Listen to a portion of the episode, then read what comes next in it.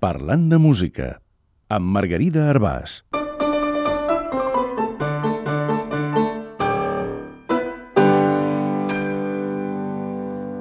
El charango. El charango és un instrument de corda típic dels països andins. De mida és petit, si fa no fa com un tiple menorquí o un ukelele, però si l'ukelele té quatre cordes i el tiple quatre o cinc, el charango en sol tenir cinc parells, o sigui, deu. Per això té el mànec i el claviller força grossos comparats amb la caixa. L'instrument, igual que el timple canari, té la caixa de ressonància bombada com l'esquena d'un animal. De fet, es construïa amb la closca d'un quirquinxo, un tipus d'armadillo. Ara se sol fer buidant una peça de fusta, o bé amb fusta laminada, de manera que sembli una closca.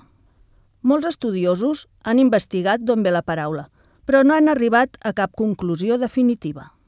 Uns diuen que charango ve del quichua chajuku, que vol dir xerraire, combinat amb el castellà xaranga, que a Amèrica és una orquestra popular.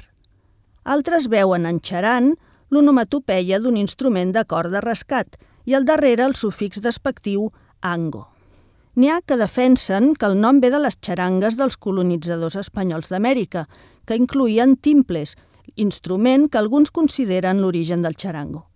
Abans del xarango ja hi havia el xarrango, un instrument primitiu rescat que fa força soroll. Potser per això, o potser pel menyspreu dels colonitzadors per la música indígena, xarranguear i xaranguear és tocar malament o tocar un instrument desafinat. El cas és que l'etimologia de xarango continua sent un misteri per resoldre. I no passa res. Sentim com sona, deixem que la música ens porti imatges de còndors, llames i muntanyes verdes o nevades i deixem-nos estar d'etimologies.